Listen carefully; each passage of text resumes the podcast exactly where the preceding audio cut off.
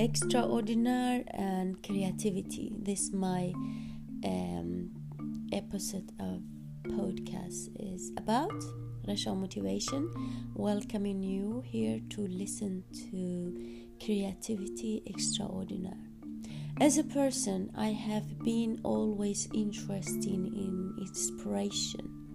With this said, I have been always watching up for, um, I mean, uh, talented people or inspirational people as a writer, as a musicer, as a dancer, as what you name it. This is a huge of different things that different people doing it and they have a skill in it and that's so uh, impression and great opportunity to watch and say wow how great and incredible incredible that person is. And if you find that opportunity in yourself you can make it happen to yourself too. With this i mean uh, i didn't had any musicer in my uh, family um, directly but i know my dad used to sing sometimes. Anyhow with this said uh, i myself uh, have been called from other people calling me you are extraordinary girl and you are very creative. And this is actually an uh, um, opportunity that i can uh, think about it by myself and say oh if they call me like that i need to take care of those sides of myself for example creativity i started to write and i started to write a, autobiography about my life. My first book was about Dare to Be Brave. Uh, as I mentioned, uh, is it about my life and what I went through with tough times, good times, happy times, great times, uh, all different uh, chapters in my life. And then um, created, this was a start, a beginning start of writing. And then I started to write other books in other language like in English, and I wrote a book, Tell Me with a Smile, uh, more optimism and positive books about the life and different things I experienced in my life, and was working with positive energy, and that helped me to go through all the experiences I went through, even if they were very tough and difficult, but it was much easier to go through it with a positive mindset.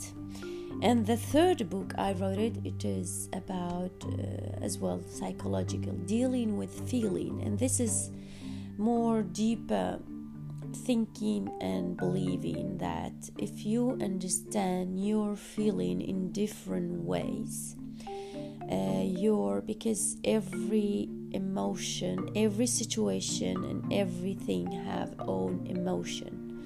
And those emotions is different feelings different moods.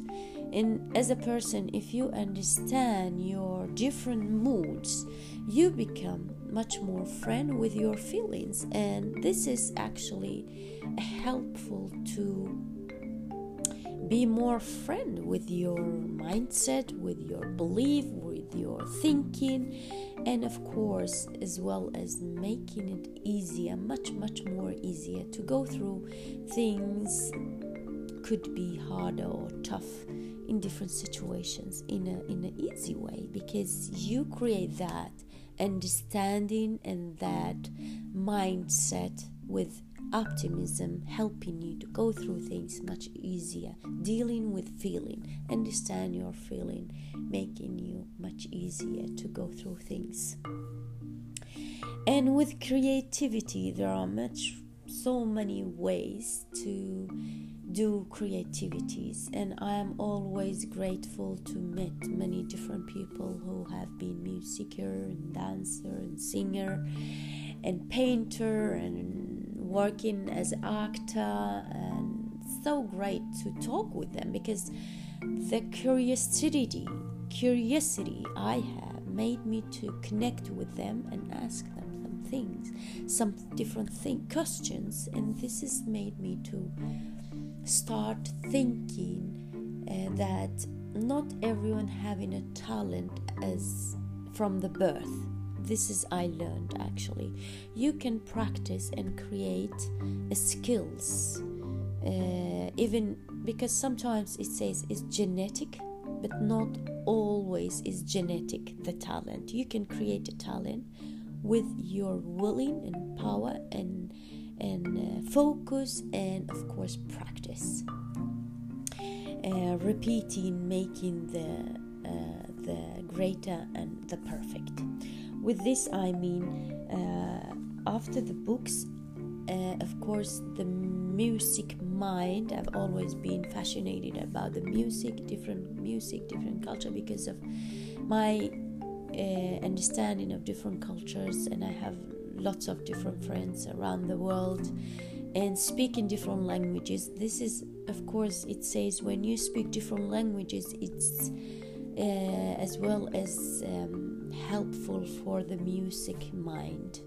And I believe in that because I started to sing and I am very interested in music.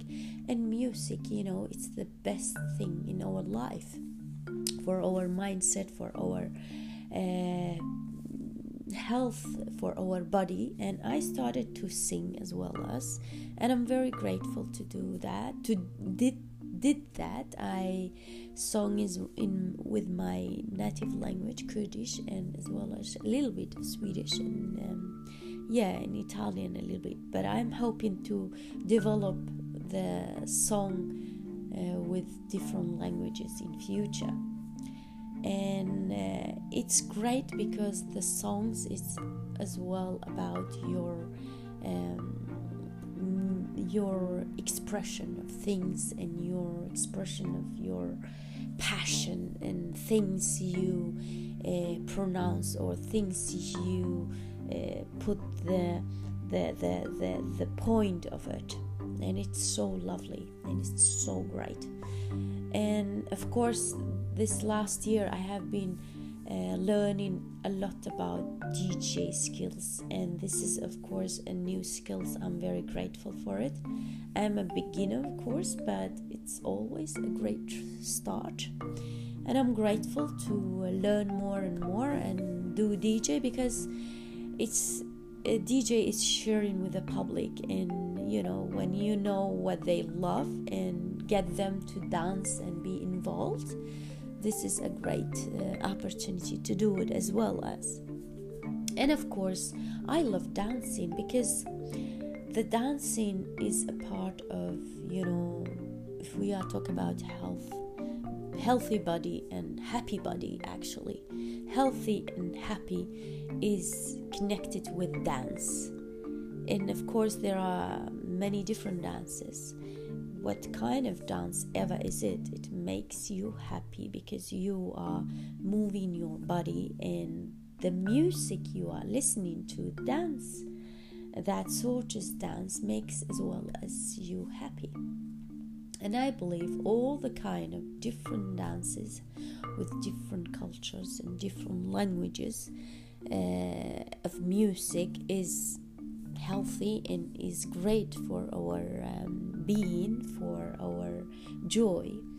And this is the big part of have been a big part of my life. I actually used to dance a belly dance in different weddings. And my purpose with that was to dance and make everyone involved and happy and share my positive energy and joy with them.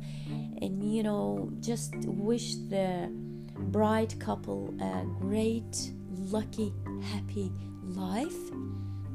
And that was so amazingly and i'm so grateful for this experience.